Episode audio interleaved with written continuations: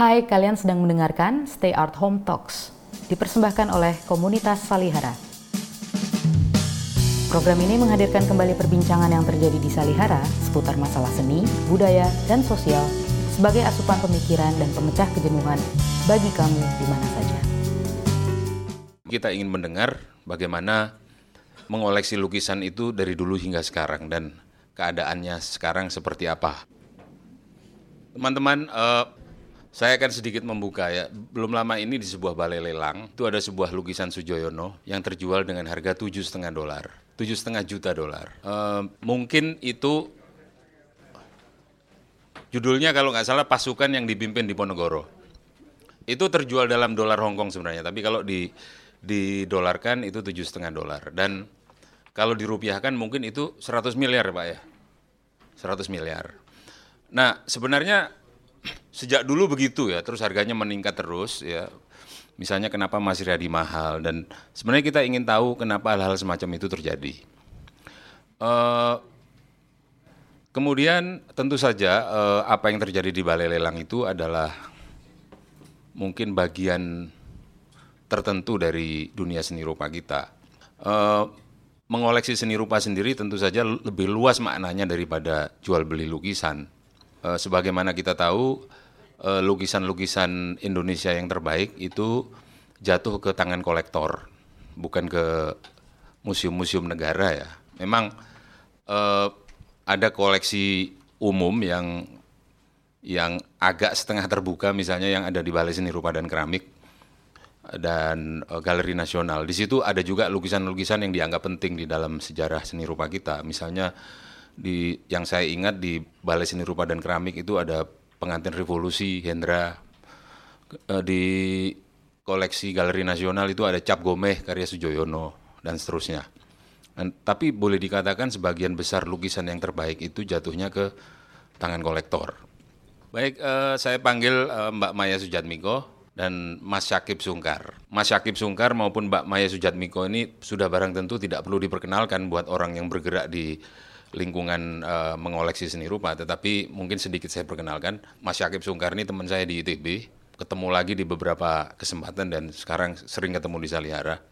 Dia adalah saya kira kolektor yang sangat setia dan punya pandangan ke depan kalau kita melihat koleksinya. Mbak Maya Sujatmiko ini lama berkecimpung di dunia penyelenggaraan e, pameran di di sebuah hotel di Bali ada sebuah galeri dan sekarang beliau mempunyai satu mendirikan dan mengelola sebuah galeri sendiri. Sebenarnya bukan hanya galeri karena kegiatannya lebih luas daripada itu, yaitu Art Sphere yang ada di Kemang. Nah, galeri Mbak Maya ini sangat banyak melakukan kegiatan-kegiatan seni rupa untuk publik kerjasama dengan berbagai lembaga perusahaan untuk menyelenggarakan pameran di di mana-mana.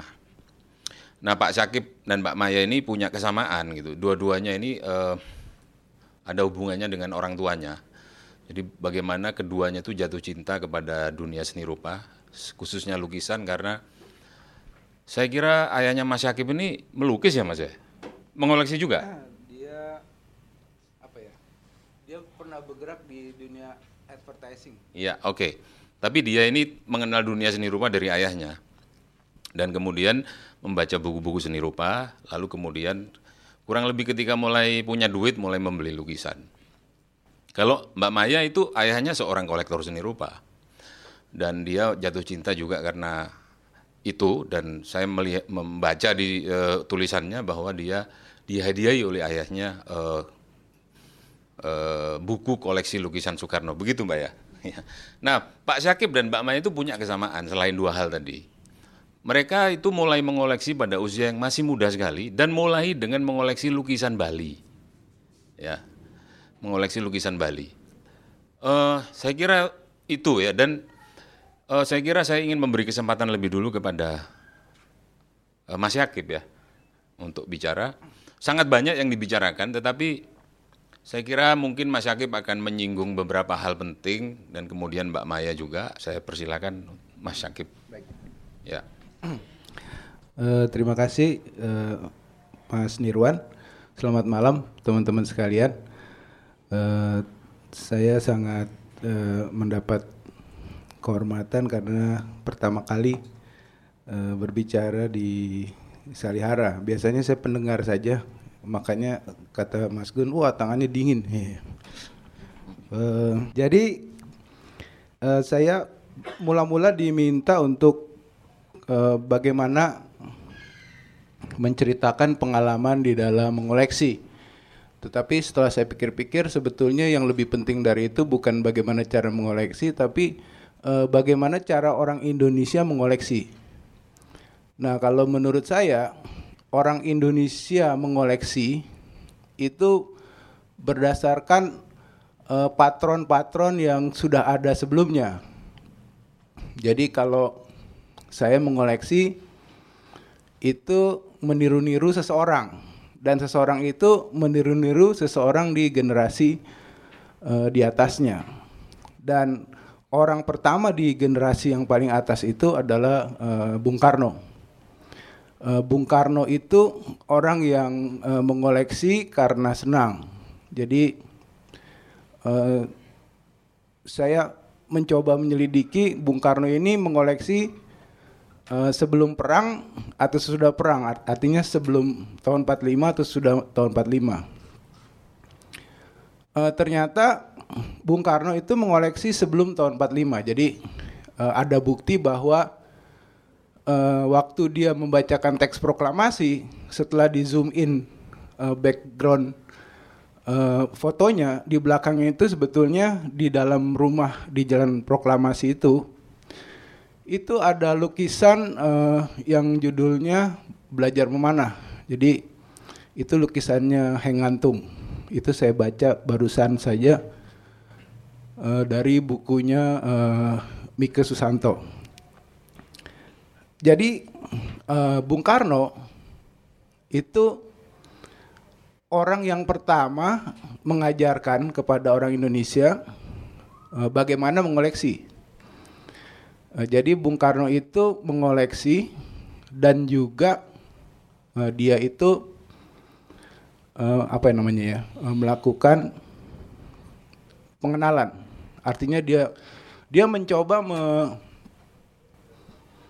mencoba menjelas-jelaskan ke orang ya bahwa lukisan ini bagus, lukisan saya ini dan dia mencoba membuat suatu uh, lingkungan kolektor ya. Jadi apakah orang-orang itu kemudian menjadi kolektor dengan tulus? Maksudnya memang suka atau menjadi kolektor karena kemudian Bung Karno jadi presiden dan menjadi suatu gaya di masa itu orang kemudian uh, punya koleksi juga. Uh, teman-teman sekalian, uh, saya ingin bicara bahwa uh, gaya apa sebetulnya yang disukai oleh Bung Karno. Jadi Bung Karno itu suka dengan gaya uh, naturalisme atau realisme. Jadi Bung Karno itu suka dengan dengan lukisan-lukisannya uh, apa tuh namanya uh, Ernest de terus Duyuart, uh, Strasser dan lain-lain.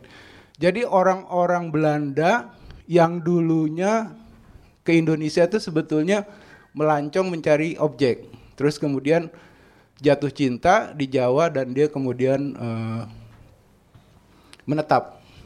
Termasuk ada Walter Spies di situ, terus uh, yang kemudian nggak nggak nggak pulang lagi. Ada juga yang pulang setelah uh, kemerdekaan, ada juga yang meninggal di uh, di Jawa. Jadi uh, itu yang kemudian dibukukan, dibukukan menjadi uh, buku koleksi uh, yang lima jilid itu yang dibuat oleh uh, Liman Fung tahun 1961. Dan orang meniru, jadi melukis berdasarkan pegangan kitab itu, kitab yang lima jilid itu. Dan sampai sekarang lukisan itu uh, harganya uh, menjadi mahal, menjadi mahal dan tidak masuk akal. Seperti uh, lukisan Man Fong itu harganya sekarang 50 miliar yang ukurannya kira-kira satu setengah meter uh, dan dan temanya Bali Life gitu. Jadi mengapa mahal itu juga menjadi satu pertanyaan bagi orang-orang uh, di luar Indonesia. Jadi kalau orang-orang di luar Indonesia merasa bahwa lukisan-lukisan para maestro tanda petik tadi, jadi do you war terus kemudian uh, uh, dake, dake dan lain-lain.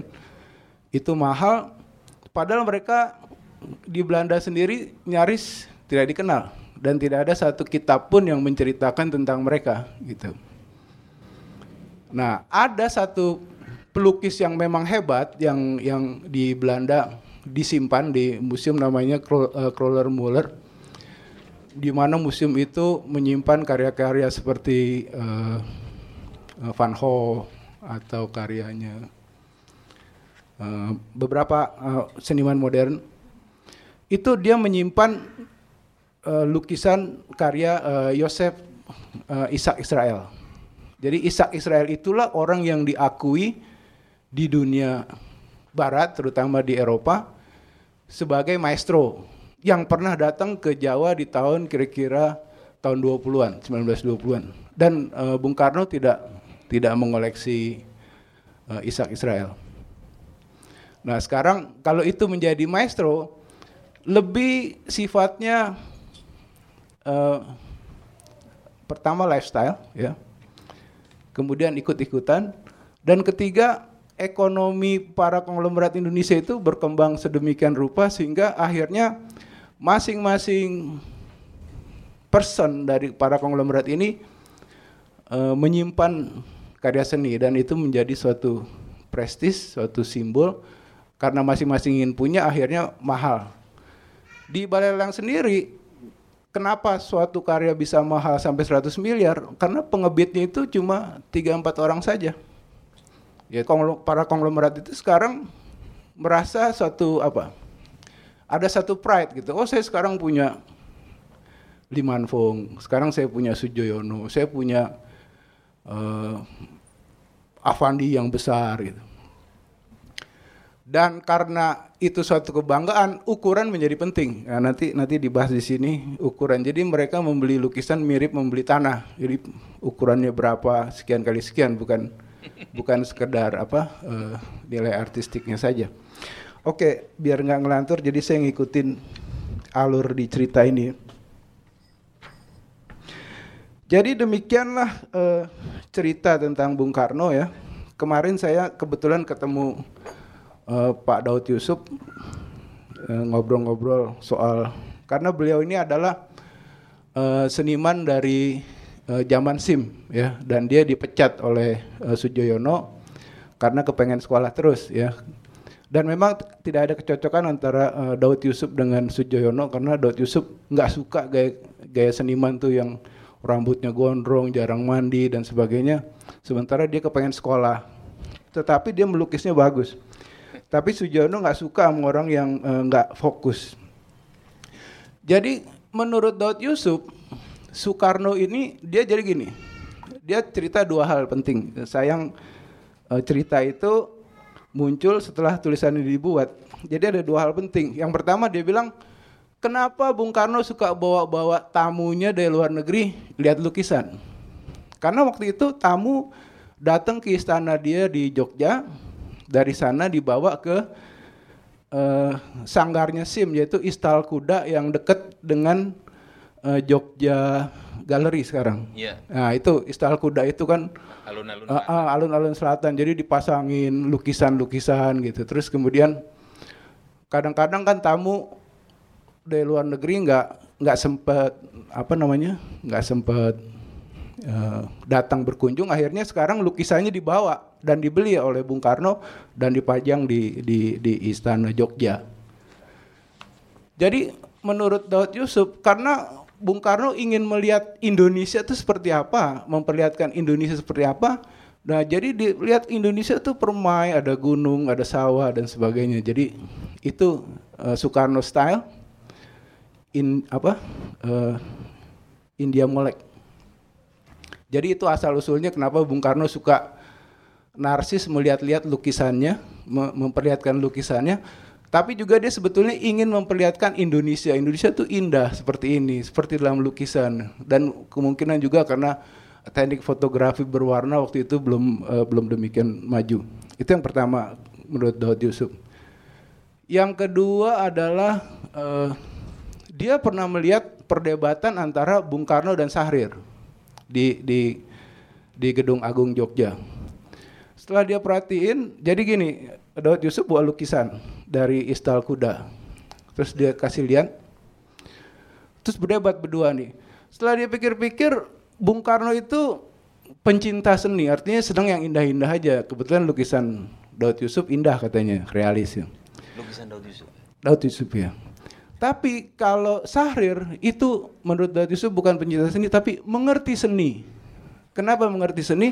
Karena Sahrir itu bisa ngomong dalam kacamata uh, uh, lukisan-lukisan modern Eropa yang waktu itu sedang sedang berkobar-kobar dan Bung Karno tidak ngikutin. Jadi Bung Karno itu agak delay karena pengetahuan dia tentang lukisan itu delay 200 tahun. Jadi seneng alam benda, lifestyle gitu ya. Sementara si ini udah ngerti kubisme, udah ngerti dia udah dekat dengan Salim, Sahrir gitu. Jadi Daud Yusuf melihat begitu. Nah, ini sekedar uh, gambaran tentang uh, bagaimana Bung Karno. Uh, terus kemudian masuk ke Orde Baru, ya. Di zaman Orde Baru ini menarik. Uh, menarik saya pernah ngomong Mbak Nirwan, Orde Baru itu langsung realisme sosialis ya, bangsa kayak si siapa? Uh. Bukan, uh, yang PKI PKI itu Lekra. oh banyak. Banyak ya. PKI PKI. Trubus. Ya kayak kayak gitu tuh tiba-tiba nggak laku ya. Jadi yang realisme tuh tiba-tiba nggak laku. Jadi senengnya uh, gaya lukisannya model Widayat yang pemandangannya itu nggak nggak realis. Terus kemudian lukisan-lukisan uh, kayak Nasah Jamin dan sebagainya, termasuk grup Bandung. Grup Bandung itu uh, Sadali ya dan dan lain-lain. Itu yang disukai. Jadi lifestyle orang berubah ya. Jadi udah mulai modern Indonesia tuh dari uh, seleranya udah udah sedikit lari dari Bung Karno gitu. Nah cuma siapa yang mengengineer itu saya kurang tahu. Jangan-jangan uh, Umar Khayyam atau Mulyadi yang waktu itu rajin menulis ya. Kalau di Amerika kan ada tuh namanya Clement Greenberg ya yang yang ngenalin Jackson Pollock terus uh, uh, Clifford Style. Tapi di Indonesia siapa yang begitu? Saya curiga itu Umar Khayyam. Jadi ada perubahan seperti di engineer. Ya, jadi sekarang tiba-tiba orang Indonesia so abstrak ya. Jadi lukisan abstrak yang tahun 60-an dibilang laboratorium barat tiba-tiba laku. Ya gitu. Nah, itu uh, orde baru. Terus kemudian uh, muncul bom, booming lukisan ya, booming lukisan itu mula-mula uh, pada saat setelah Krismon. Jadi tiba-tiba juga lukisan Indonesia yang lama-lama laku uh, dan dijual di di balai lelang. Sotheby dan Christie starting tahun 95 itu menjual karya-karya Indonesia uh, di Singapura, belum di Hong Kong.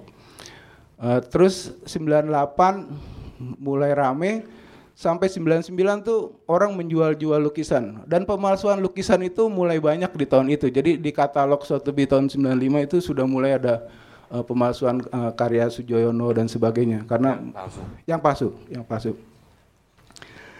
Uh, itu ta itu 98 dan semangat me me mengoleksi udah berbeda sekarang. Jadi Indonesia bergeser koleksi sebagai investment itu munculnya di di booming yang itu yang tahun tahun 99 tahun 2000 itu pertama kali orang Indonesia sadar bahwa lukisan itu bisa dibeli disimpan dan nanti harganya uh, meningkat ya dan dan memang kalau kita mereview katalog-katalog yang ada saat itu maka memang uh, harganya tiba-tiba uh, meloncat ya.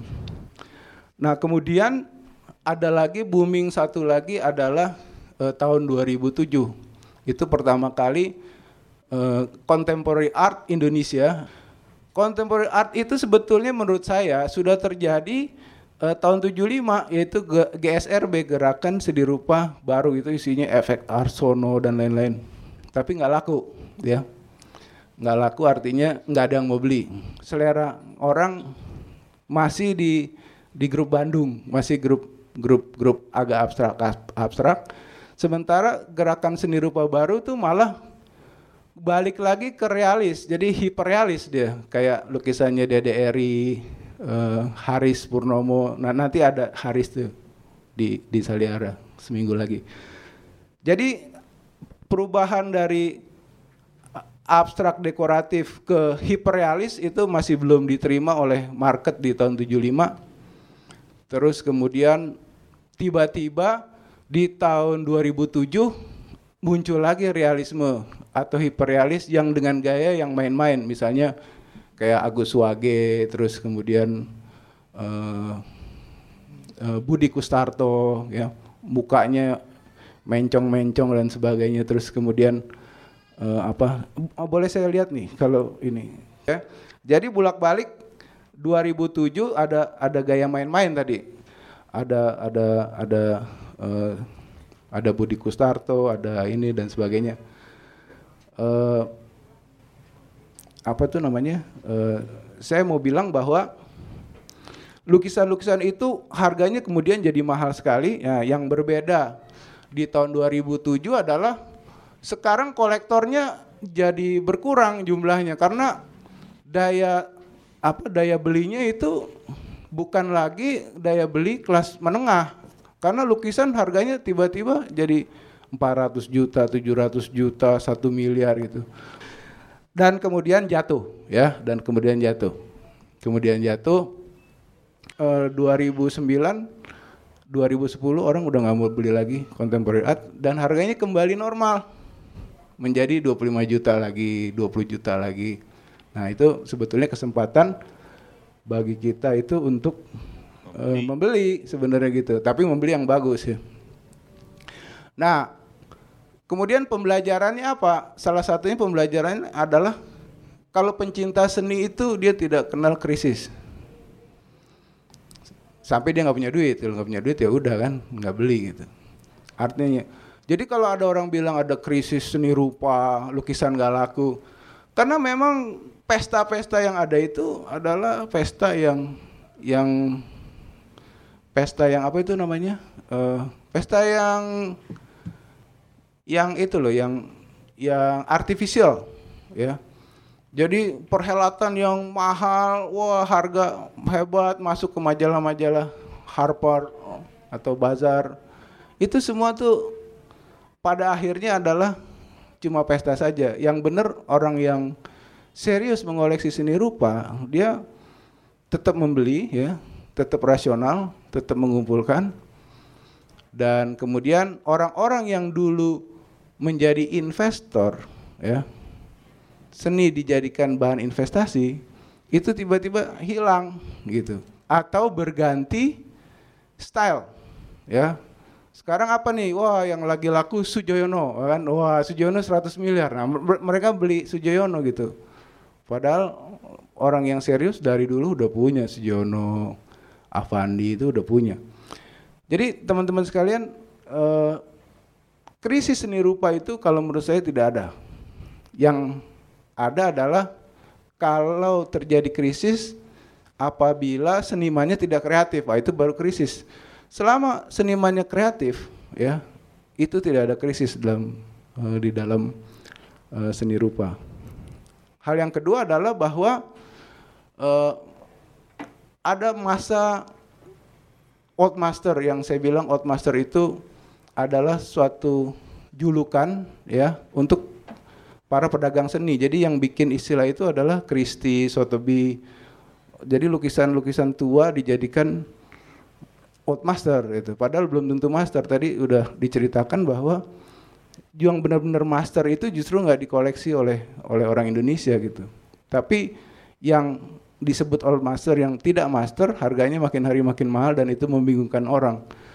Kalau buat saya, kalau saya membeli lukisan Liman Fung 40 miliar, sekalian saya beli lukisannya Picasso yang bagus 40 miliar juga.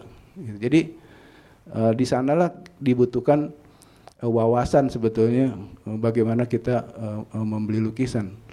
Jadi buat saya lukisan Indonesia terlalu mahal pun uh, kurang layak dibandingkan dengan uh, seni rupa dunia gitu. Itu hal yang sama terjadi di Cina sekarang. Di Cina itu lukisan-lukisan Cina yang lama itu dijadikan outmaster dan harganya mahal sekali. Yang dulu itu nggak uh, laku gitu. Jadi uh, balik lagi memang kalau seorang investor uh, seni dia selalu melihat bagaimana lukisan itu bisa dijual kembali. Sementara kalau kolektor sejati, dia bangga dan dia senang bahwa dia punya koleksi. Dan koleksi itu kalau memang dia suka, dia tidak dijual walaupun dalam kondisi nggak punya duit, gitu ya. Kira-kira demikian.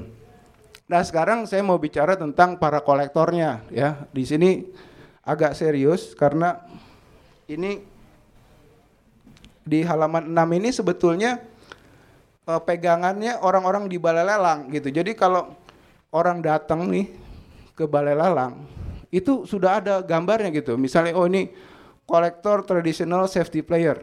Cirinya berumur lanjut 60 70 mapan, mempunyai uang yang lebih dari cukup karena didukung usaha pribadi yang sudah berjalan lancar, membeli karya yang aman agar karya yang dibelinya tidak mengalami kejatuhan harga, dan sebaliknya karya tersebut malah terus naik harganya. Karya yang dibeli biasanya outmaster dengan gaya impresionis, kubis, atau abstrak ekspresionis. Dengan ini dapat dijelaskan kenapa mereka suka membeli karya Avandi, Hendra, Gunawan, Sujono. Kataannya kolektor kita begitu. Kedua, kolektor mature, educated, eksploratif. Usianya matang, 50 sampai 60 tahun, orang sukses. Punya uang cukup karena bekerja dan memimpin perusahaan berskala global berpendidikan sarjana, pernah di luar negeri, berani membeli karya ya kan karena bobot dan rekam kesejarahan berupa ya kan. Terus kemudian karya yang dibeli biasanya berupa seni kontemporer sudah senior juga karya dari seni rupa modern generasi mazhab Bandung. Ya. orang-orang seperti itu siapa? Yaitu James Riyadi yang punya Lipo. Wah itu berani belinya kontemporer dibeli yang penting bagus ya. Kebetulan dia punya asisten namanya Amir Sidarta pemilik balai lelang Sidarta Auctioneer. Jadi even kalau Amir sendiri lagi lelang itu si James bisa telepon Mir yang ini bagus nih gue mau beli ini. Wah jadi kita hati-hati beli di Amir jangan-jangan kita melawan James Riyadi ya kan? Gitu. Yang ketiga adalah kolektor yang profesional. Ah, satu lagi si ini Dedi Kusuma. Itu juga koleksinya bagus. Maju. Jadi kalau ke sana tuh kita nggak lihat barang-barang tua saja, barang-barang muda juga banyak gitu ya. Maksudnya seniman yang masih hidup. Hongjin masuk Hongjin. Wah, itu saya nggak bisa ngomong. Kolektor yang profesional urban, cirinya dewasa, profesional, middle manager, wirausaha, mempunyai apresiasi, apresiasi seni yang baik terhadap semangat urban. Mempunyai komunitas kolektor yang sejalan, sering berdiskusi dan menghadiri art fair. Karya-karya yang dibelinya biasanya berada pasca modernisme dan menolak karya-karya lama. Outmaster, modern art. Jadi ini antinya nih, antitesisnya. Nah, orang-orang seperti itu uh, banyak misalnya itu grupnya Nadi Gallery. Jadi Pak itu Pak uh, Biantoro pun seorang kolektor, terus kemudian teman-teman yang lain. Nah, dia dia yang dia itu orang-orang yang yang memperkenalkan seni rupa uh, kontemporer bersama-sama Mela Jarsma di Jogja. Mereka yang kenalin kita uh, Heridono dan sebagainya. Jadi semangat dia untuk membuang, mengangkat uh, seni rupa kita yang yang hari ini yang yang terbaru itu adanya di di mereka. Ada lagi a new entrance contemporary art collector uh, muda 30 40 tahun baru bekerja, duitnya masih belum banyak ya. Jadi belinya yang murah-murah. Mempunyai apresiasi seni yang berani dalam mengoleksi, memutus hubungan antara koleksi seni dan investasi. Ini bagus buat Indonesia. Berteman baik dengan seniman, selalu memperbarui informasi karya-karya terbaru dari seniman tersebut. Mereka yang berani mengoleksi karya video, karya instalasi, yaitu grup-grupnya kayak Paula terus eh, si siapa tuh namanya? Ah Ibiu ah Maya juga ya. Yang kelima adalah new entrance traditionalist. Cirinya eh, jenjang usia beragam 24 25 sampai 45 tahun bekerja dalam beragam usaha menyukai seni sebagai elemen dekorasi masih belum terpolarisasi dengan lukisan bermerek lebih fokus kepada karya-karya yang menarik perhatian, yang manis, yang terjangkau harganya. Orang-orang itu ngumpulnya di Balelang Sidarta, ya kan? Dia beli aja karya, wah bagus beli. Dia udah nggak tahu lagi karya siapa, yang penting bagus. Jadi dari hati membelinya, bukan dari kantong, ya. bukan dari mata maksudnya, eh, bukan dari bukan dari kuping. Ya. Jadi dia udah nggak pikir lagi, oh ini naik apa enggak dan sebagainya dan sebagainya. Ya. Kira-kira demikian kalau saya kebetulan tadi uh, Mas Nirwan bilang pengaruh ayah saya kuat karena ayah saya itu ayah saya itu tukang gambar. Jadi zaman dulu orang yang punya televisi kan nggak banyak. Jadi saya tuh tetangga saya punya televisi saya enggak gitu. Nggak tahu kenapa ya saya nggak beli televisi ya. At the end akhirnya beli. Jadi dia banyak cerita kalau mau tidur tuh ada aja ceritanya misalnya gambar kartun dibuka drrrt gitu ya. Jadi orang jalan naik ke pohon turun lagi atau bikin wayang-wayangan. Dia juga seorang uh, apa? advertising. Jadi dia uh, misalnya Markisa. Wah, itu sirup Markisa saya masih ingat yang bikin tuh bapak saya gitu. Dulu saya pernah minta duit, sekarang ekivalen berapa ya? Mungkin seratus ribu gitu. Minta duit dong, gitu. Bapak saya menggambar uang. uang digambar bolak balik gitu. Wah saya namanya anak kecil kan. Saya lihat nanti jadi nih, jadi bisa bisa dibelanjain, bisa. Ya. Akhirnya setelah dua hari itu jadi tuh. Wah persis, ukuran persis. Nih dibelanjain belanjain deh gitu. Saya bawa ke warung gitu. Wah itu terjadi kehebohan hari itu kan. Oh ada orang wah makanya nah, itu pertama kali saya dibohongin bapak saya tuh. Nah jadi bapak saya seneng realisme jadi dia seneng itu. Makanya uh, Dula terus si siapa Basuki dia suka terus orang diperhatiin benar gambar tangan dan sebagainya. Pemandangan juga eh, pohon-pohon uh, sawah uh, sungai itu sangat ini awannya sangat sangat jadi uh, art, secara artistik saya dididik oleh ASS tanpa sengaja. Uh, kemudian tahun 75 itu bapak saya bawa uh, majalah Time ya. Dia bilang uh ada orang gila dilihat tuh lukisannya Dali sama Picasso. Wah, uang sekarang kira-kira mungkin setengah triliun gitu. Wah, pelukis gila dibeli orang oleh orang gila gitu. Tapi buat saya itu saya simpen itu sampai saya tiru-tiruin ya kan lukisannya Picasso dan sampai sekarang saya suka gaya itu. Dan waktu di ITB kan ketemu Apin dan sebagainya itu uh, apa namanya? Uh, saya saya suka karena memori memori tentang itu gitu.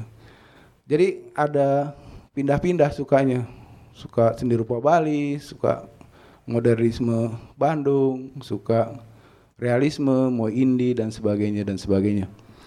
Nah, kira-kira uh, demikian dan sampai sekarang uh, semangat suka itu ya terus aja. Jadi kalau ada uang saya beli jadi saya menikmati, ya.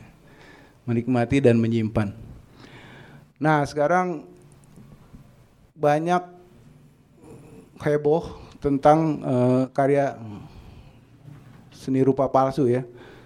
Nah saya salah satu orang yang membongkar palsu. Permasalahannya adalah waham orang untuk menyimpan atau mengoleksi seni rupa sebagai bahan investasi dan investasi itu sekarang bentuknya adalah dalam bentuk karya-karya outmaster. Dan karya-karya outmaster itu sebetulnya kan pabriknya sudah tutup. Tapi muncul terus di balelang dan sebagainya. Dan akibatnya adalah banyak orang yang kepengen punya ya akhirnya suka nitip tolong beli ini eh, lukisan yang mahal apa bukan yang bagus loh yang mahal yang mahal tuh Hendra Gunawan. Cariin deh gitu. Padahal kan nggak begitu harusnya. Saya tuh Hendra Gunawan baru ngerti berapa tahun belakangan. Setelah apa? Setelah selama mungkin 3-4 tahun saya perhatiin gitu. Sampai saya bisa putusin oh yang asli tuh yang ini yang palsu ini. Oh yang bagus seperti ini. Dari sana baru beli Hendra gitu kan. Jangan dibalik beli dulu. Ya kan nah, baru mengerti. Akhirnya setelah mengerti palsu. Terus kemudian terakhir penutup kurator. Kurator bagaimana nih? Apakah kurator itu menentukan di dalam arah seni rupa Indonesia gitu ya? Kalau dulu barangkali iya ya. Tapi kalau sekarang eh, terlalu banyak kurator yang nulis asal-asalan. Jadi saya nggak ngerti nulis ngalor ngidul teori-teori gitu terus ya selesai ya kan? Karyanya sendiri nggak dibahas ya. Jadi dia jadi dia sebetulnya menulis pengantar judul. Jadi misalnya apa gitu eh, kan sekarang seni rupa itu kan banyak tuh. Misalnya judulnya aneh-aneh viscosity ya. Dia ngomong viscosity lima lembar udah selesai. Loh itunya mana? Nah jadi satu jadi ada permasalahan apakah ini permasalahan eh, intelektual dari si kurator sendiri ya? Yang atau dia menganggap remeh kolektor? Dipikir saya nggak baca itunya apa eh, katalognya nggak baca. Padahal iya saya nggak baca. Dari saking jeleknya. Yang ketiga adalah bahwa kalau menurut saya mereka sibuk memuji-muji wah jadi begini bagan dari catatan kuratorial riwayat hidup pelukis ya kan? Pernah naik andong dan sebagainya. Habis gitu tema di dunia yang maya ini terus dan sebagainya. Ya terus cerita udah dan dia memang pelukis yang bagus berbakat. Semoga di dalam eh, pameran ini ya kan dia membawa suatu kemajuan bagi seni rupa Indonesia. Titik udah. Mati kita kalau punya kurator kayak gitu itu satu. Yang kedua pengetahuan mereka atas karya-karya lama juga nggak dalam. Karena sekolah itu kan nggak nggak belajar tentang lukisan Hendra bagaimana? Avandi seperti apa? Kan orang tahu karakteristik satu lukisan itu karena dia cinta gitu loh. Karena cinta. Atau karena sering melihat. Nah itu itu satu. Yang kedua ada tes forensik kan. Sekarang ITB sudah bisa tes forensik yang ketiga ada namanya tes provenance. Kalau keluarga aja bilang enggak saya nggak pernah lihat suami saya dulu ngelukis seperti ini. Itu harusnya batal. Buku itu harus dibakar. Tapi saya nggak mampu. Untuk itu jadi saya buku dibalas dengan buku. Kira-kira demikian eh, cerita saya. Masih Baik, terima kasih Mas Akib.